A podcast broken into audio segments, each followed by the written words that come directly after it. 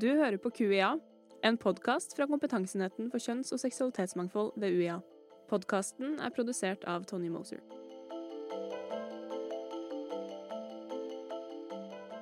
Skeivt kristent nettverk er en paraplyorganisasjon som ble opprettet i 2019. Det er per utgangen av 2021 fire lokallag som befinner seg i Bergen, Oslo, Kristiansand og Regnbueakademiet tilknyttet NLA-høyskolene.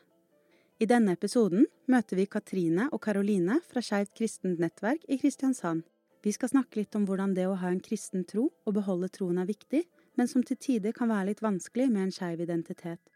Vi prater også litt om det å komme ut som skeiv og få lov til å være seg selv og helt ærlig med seg selv, på tross av at det kan oppleves som en veldig høy terskel og stort steg for noen. Jeg heter Katrine Torvik og er leder for eh, lokallaget til Skeivt kristent nettverk her i Kristiansand. Jeg heter Karoline. Jeg er også med i styret i SKM. Hva er uh, Skeivt kristent nettverk? Skeivt kristent nettverk er jo et uh, nettverk for uh, skeive kristne. Der de kan komme og finne tilhørighet og finne andre som er i samme situasjon som de. Hva menes med å være i samme situasjon? Det, altså, det, er jo, det er et godt spørsmål, men i hvert fall her i Her på Sørlandet så tror jeg mange som har Altså som er skeive og kristne, har opplevd at de har følt seg kanskje veldig mye alene. Og det er vanskelig å, å finne andre skeive kristne. Sjøl så kom ikke jeg ut som skeiv før jeg var 32, og da kjente jeg ingen andre skeive kristne i i hele Kristiansand. Og jeg tror at hvis jeg hadde visst at det var andre, så hadde det vært lettere å komme ut før da. Det er et sted jeg ikke kan være alene. Og det er bare et sted hvor jeg møter folk som har opplevd mye av det samme som meg. Jeg tror mange av oss har syntes det har vært vanskelig med menighet. Og som har kanskje følt oss utafor der. Eller når man kommer ut, så går man ut derfra fordi man syns det er vanskelig å være der.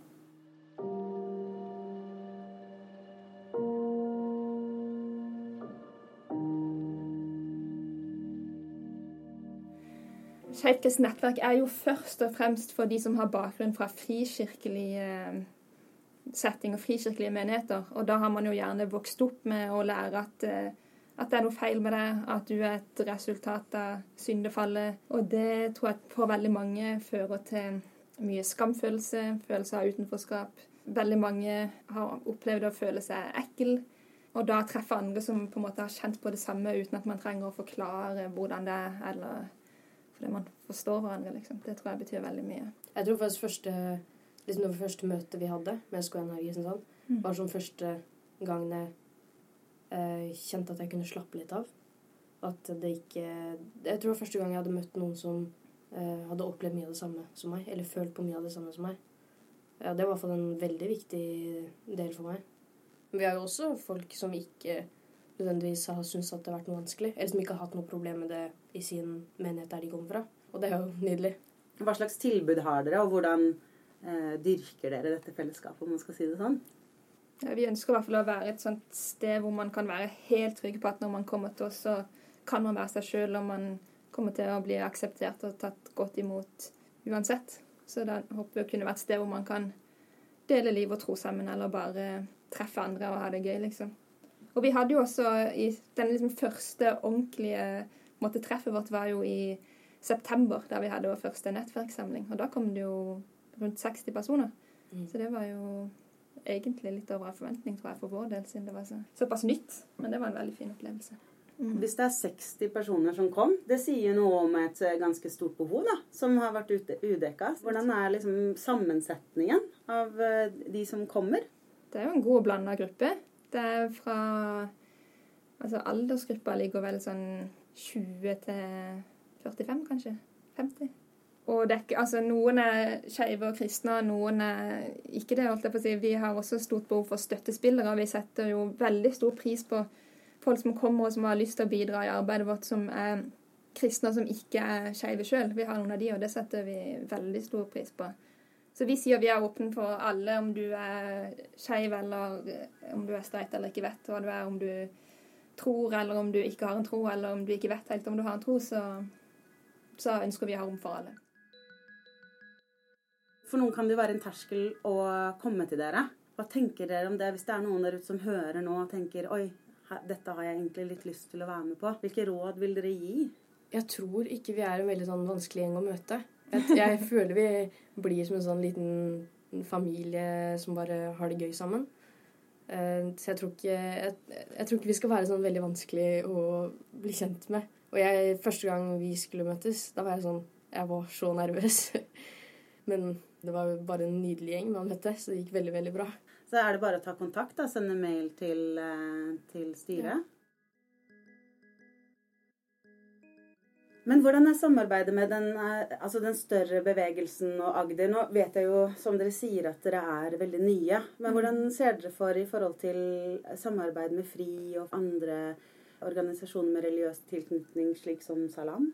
Ja, vi er jo veldig åpne for samarbeid. Til nå så har vi deltatt på noen arrangementer sammen under Skeive sørlandsdager. Eh, og vi ønsker jo veldig å ha en god dialog med både FRI og Salam, og vi tenker at det kanskje kan hjelpe oss til å bli mer synlige, så flere folk får høre om oss. Eh, vi tenker jo at jo flere vi er sammen, jo mer kan vi få til. Så det er noe vi ønsker å jobbe med fremover. Synliggjøring det er jo en, en kjempeviktig faktor da, for dere. Og jeg tenker at dere er jo en, en veldig ressurs.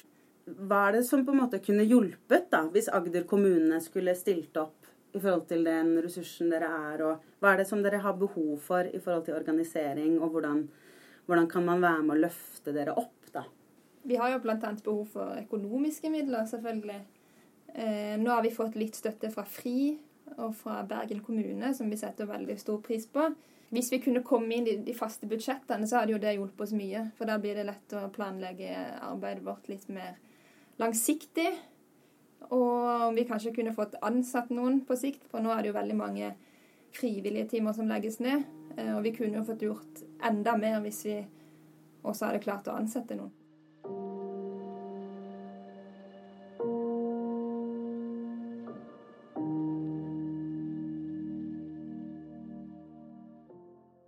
Hvilke sikkerhetsnett finnes det for eventuelt folk som risikerer å bli utstøtt? Ikke bare i forhold til at dere er jo en frivillig organisasjon, men hva gjør man hvis man er ung og risikerer å stå ganske aleine ved å komme ut av skapet? Altså, jeg vet ikke om noe sikkerhetsnett eh, som finnes, egentlig. Det er derfor jeg tenker at, eh, at arbeidet til SKN er så viktig, for det mangler kanskje et sånn sikkerhetsnett. Ja, jeg vet heller ikke om noe. Derfor kanskje enda viktigere at man blir enda mer synlig, sånn at man, mm. folk veit hvem vi er, og at vi eksisterer. Absolutt. Ja. Og vi har også, vi har, nå har vi jo bare lokallag i Oslo, Bergen og Kristiansand, så vi håper å kunne få oppretta lokallag mange andre steder i landet òg.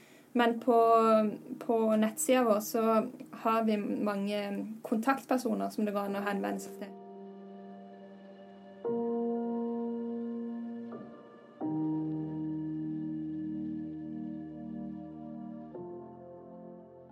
Du er under 18 og kjenner at du ikke kan bo hjemme lenger fordi det oppleves som utrygt eller skadelig av ulike årsaker, er det barnevernet som har ansvaret for å sikre deg et trygt hjem og et sted å være.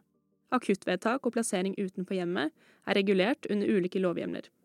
Du kan lese mer om dette under Bufdir sine sider om akuttvedtak og i barnevernsloven. Ved en akutt situasjon anbefales det derfor å ta kontakt med barnevernet i din respektive kommune, som skal hjelpe deg videre. Hvordan kan dere være en ressurs i forhold til kanskje der hvor det eh, stagnerer mest? Jeg tenker at hvis det er eh, noen som jobber i i kjerke som hører på det her, så må de jo veldig gjerne ta kontakt og prate med oss. For vi kan jo f.eks. dele hvordan det har vært for oss å komme ut i kristen sammenheng. Sånn at man kanskje kan lære litt av det, og vite litt hvordan man skal møte de som kommer ut. Mm. Og det tror jeg er utrolig viktig. for at hun, noen henvender seg kanskje til, eller vil kanskje snakke med pastoren, eller første gang de på en måte skal åpne seg om at de er skeive. Og hvordan de da blir møtt, det er utrolig viktig og kan bety veldig mye for hele livet ditt framover. Så det, det, tror jeg er kjempeviktig. Og så tenker jeg det er kjempeviktig for at de skal at de, eh, de som er skeive i kristne miljøer, at de skal klare å bevare troa si og ikke gå bort fra den. For jeg kjenner altfor mange som ikke har klart å kalle seg kristne lenger. Fordi det bare har blitt for vanskelig. Ja. Hva gjør man i en situasjon hvis det er eh, ikke rom for dialog? Fra de som er skeive? Ja, eller mellom f.eks. Skeivt kristent nettverk og en, en, et trossamfunn, da. Altså, vi, vi, jo ikke, vi har jo ikke hensikt med å endre teologien til noen. Så jeg tror ikke det er så skummelt å prate om oss, egentlig. Vi vil jo bare ha dialog. Vi vil ikke forandre noen andres tanker rundt homofili. Mm.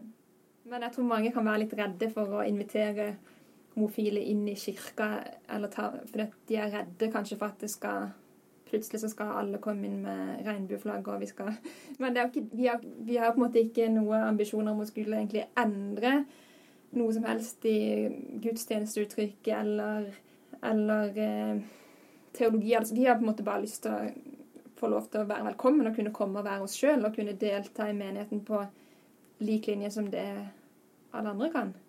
For meg er det i hvert fall det at jeg kan ha de samme rollene som resten av de som er en del av menigheten. Så om det er å lede et møte, eller om jeg leder lovsang, at jeg kan få lov til å faktisk ta del i det, jeg også. Mm.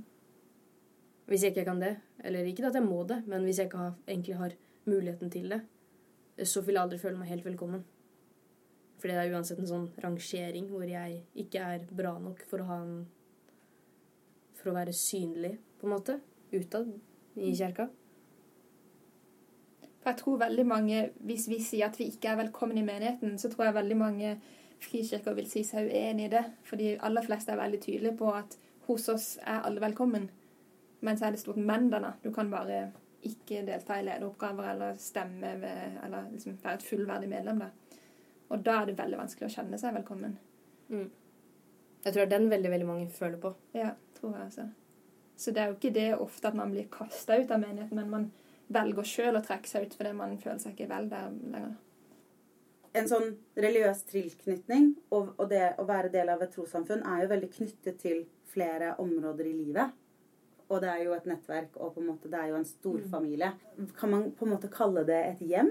Eller hvordan, hvordan Tenker du nå, eller som skeiv? Ja, som, altså, som altså, det å være del, fordi nå sier dere i forhold til det her å bli inkludert, da, eh, handler om å få delta på lik linje.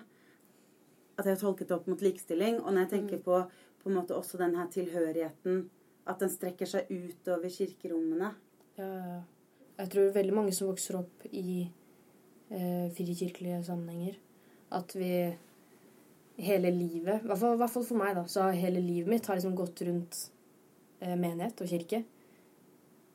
Og jeg har brukt så sinnssykt mye tid der. Eh, så det blir jo Det blir jo familien din, på en måte. Mange lever jo hele livet sitt der. Så det når man da først ikke kan føle seg eh, like velkommen lenger, så blir det sånn Det blir en veldig stor forandring. For meg i hvert fall en kjempeovergang i livet. Hva kan man gjøre for å sørge for at eh, denne tilhørigheten og nettverket forblir, da?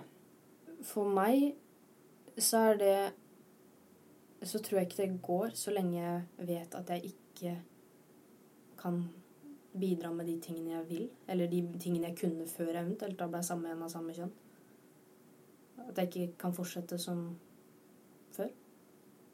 Hvordan kan man gå videre i livet hvis det resultatet er at man må bryte med det kjente og kjære og, og hjemme? Det er et veldig stort spørsmål, kanskje, men jeg, Jeg føler man starter litt på nytt, kanskje. Eh, bygge litt nye Bli kjent med nye mennesker. Eh, ja.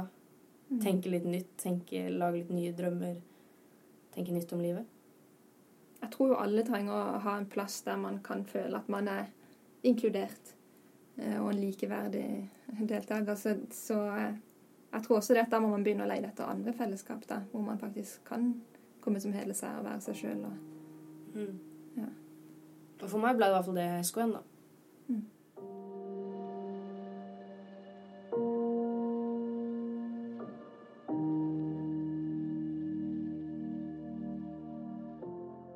Tenker dere i forhold til å ha erfaringsbygging av kanskje folk som bryter ut og mister tilhørighet, mister familie, mister kirkesamfunnet sitt? Hva er det, hva er det myndigheter og FRI kan gjøre i sånne tilfeller og styrke sammen med dere? Hva burde, hva burde gjøres, og hvilke tiltak er det som mangler?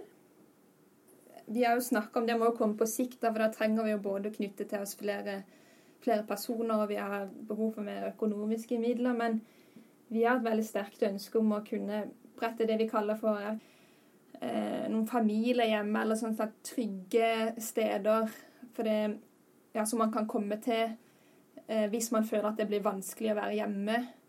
For det er jo fortsatt sånn at noen kan oppleve å bli utstøtt fra familien sin hvis de kommer ut som skeiv.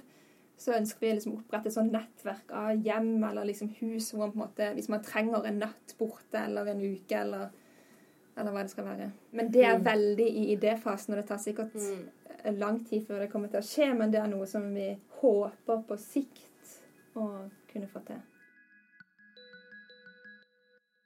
Eh, spørsmålet er hvor tar man det videre? Fordi Hvis ikke det finnes et sikkerhetsnett for unge skeive kristne som kommer ut, mm. så, så, tenker jeg det å bli plassert i sånn familiehjem som dere snakker om, er jo en kjempegod idé. Jeg tror nok bare det sikkerhetsnettet folk har, er menneskene de har rundt seg mm. i dag. Og så skjærer det seg, så må man bare bruke de menneskene man har rundt. Mm. Så kanskje en terskel først, hvis man føler seg usikker, er å, å ta kontakt med dere, da. Ja, man, det kan man veldig gjerne gjøre. Og vi har taushetsplikt. Mm. Sånn, vi tar du kontakt, så outer jo ikke vi det til verden. Nei, nei, på ingen måte. Det er veldig godt å vite. Mm.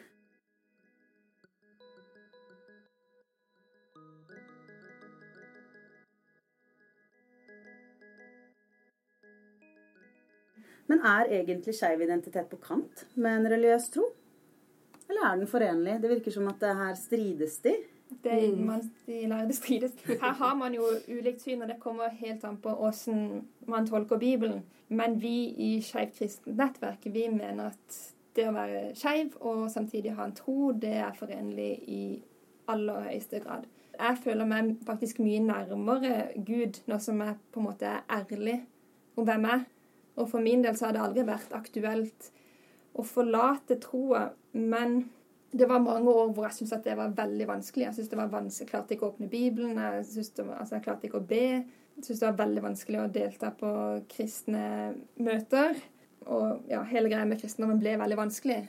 Men nå som jeg på en måte har klart endelig å være ærlig med meg sjøl og med menneskene rundt meg, så syns jeg det er mye lettere å Sjøl så kjenner jeg på en veldig sterk følelse av å være akseptert.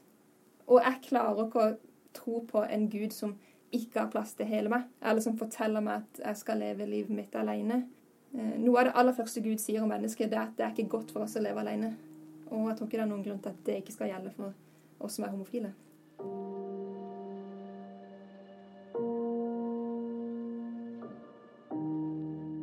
Hvordan responderer man på på det at man blir fortalt at ikke det er forenlig. Hva, hva, gjør det med en? Det kan jo være en fellesskap i forhold til å være skeiv uavhengig av religiøs tilknytning. At man blir sagt at det man føler eller er, ikke er forenlig med noen normer og regler i samfunnet. da. Men hvordan er det i forhold til det å bli fortalt at en religiøs tilknytning og tro ikke er forenlig med en skeiv identitet? For meg så har jeg iallfall følt på veldig mye skam. Og det tror jeg vi er veldig mange som har følt veldig mye på. Jeg tror jeg aldri hørte i en kristen setting. at det å være skeiv var innafor. Hørte alltid at det bare var synd og feil.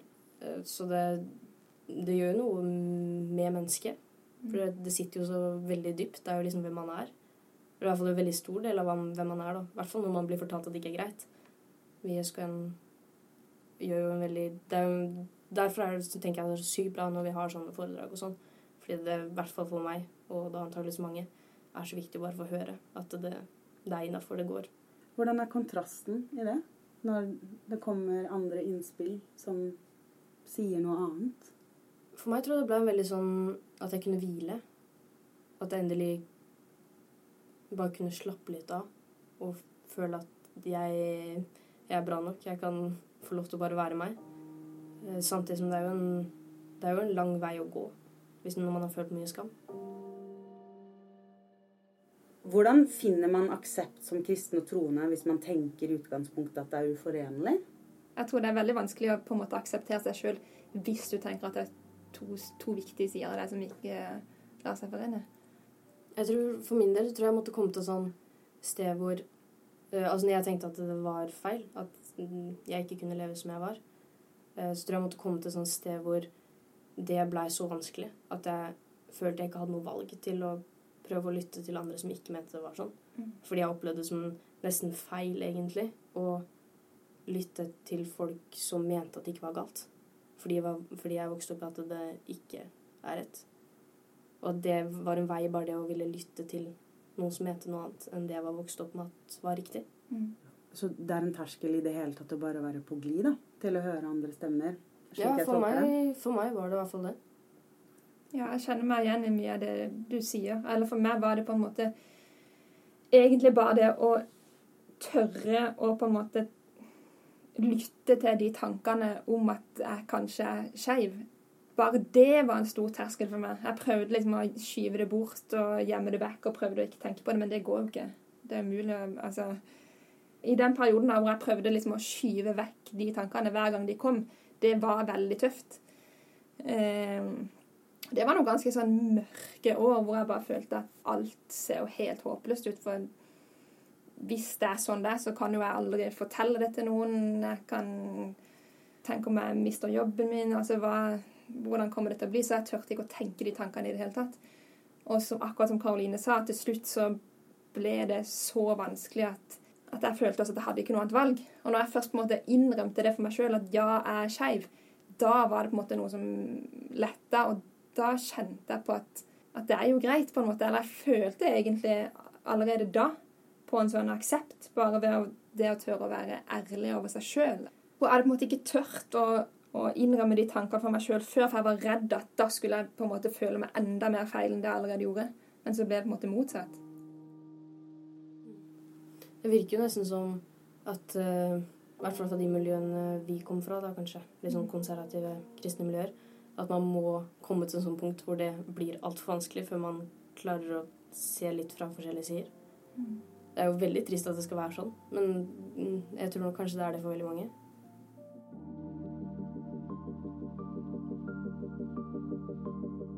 Det er jo noen ganger ikke nødvendigvis den skeive selv som søker hjelp eller informasjon. Noen ganger så er det jo foreldre som søker råd. Hvor de skal henvende seg, og hva gjør jeg eh, hvis mitt barn har kommet ut som skeiv? Jeg tenker i hvert fall Hvis man har bakgrunn fra en frikirkelig menighet, så er det kanskje ikke nødvendigvis det lureste alltid å først kontakte pastoren i kirka, for det, det har vi sett eksempler på at folk gjør. Og da får man på en måte bare underbygga den tanken om at det er noe galt med barnet ditt. på en måte. Ikke i alle menigheter er det sånn, men i mange. Jeg tror veldig mange foreldre på en måte har vokst opp med en sånn inngrodd holdning om at homofili er synd. Og så har de kanskje ikke satt seg ned og prøvd å studere det sjøl, men det er liksom Ja, pastoren sa det, så da er det sånn. Så at vi kanskje kunne lært det at det, det finnes også pastorer andre steder som, som mener noe helt annet.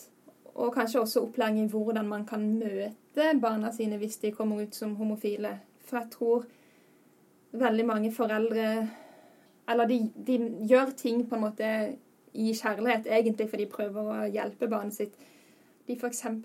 kontakter en organisasjon eller sier at ja, kanskje du skal snakke med pastoren, og så får de på en måte bekreftet at ja, du er et resultat av syndefallet, så gjør det jo egentlig bare mye verre.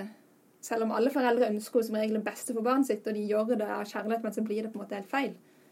Ehm, Men gjerne ta kontakt med oss. På nettsida vår så har vi jo egne kontaktpersoner, og der har vi noen som spesielt ønsker å snakke med foreldre som selv, har vært foreldre, eller selv er foreldre til barn som har kommet ut som skeive, og som vet hvordan det oppleves, eh, og som kan være en ressurs. Og vi har også veldig lyst til på sikt å få oppretta egne sånn nettverk eller støttegrupper for foreldre her i Kristiansand. Nå er vi fortsatt veldig nyoppstarta, så vi har ikke kommet så langt ennå, men det er noe vi ser behov for, og som vi ønsker å få til. Har det vært en fordel å ta det steget og den prosessen dere har gjort? Absolutt. Ja. Jeg vet ikke hvordan det skulle vært hvis jeg ikke gjorde det. Nei, da vet jeg hvordan det hadde gått. Nei, ikke jeg heller. Så det var en ytterst nødvendighet. Ja, det Ja. Hvilke råd vil dere gi til folk som sitter inne med tanker om at de er skeive, og ikke våger å bryte ut pga. religiøs tilknytning eller tro? Tørre å ta kontakt med noen. Tørre å sende oss en melding. Det er ikke så farlig. Snakk med noen du stoler på. Jeg tror alle har en eller annen person i nettverket sitt som de på en måte vet kommer til å støtte dem. Ting blir bare utrolig mye bedre hvis man tør å sette ord på det og være ærlig overfor andre og for seg sjøl. Nesten uansett hvordan de rundt deg reagerer, så, så kommer du til å få det bedre hvis du bare tør å være, hvis du tør å være ærlig.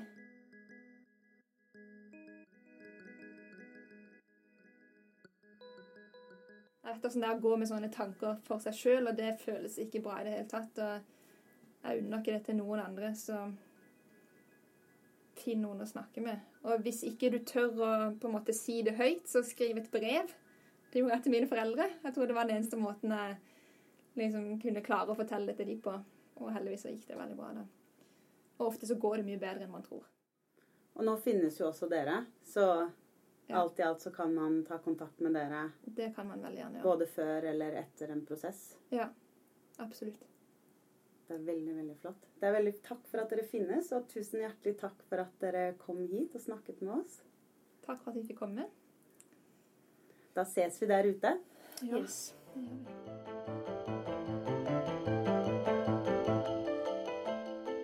Du har nå hørt en episode av podkasten QIA. For flere episoder og andre nyheter, se vår nettside www.uia.no – senter for likestilling.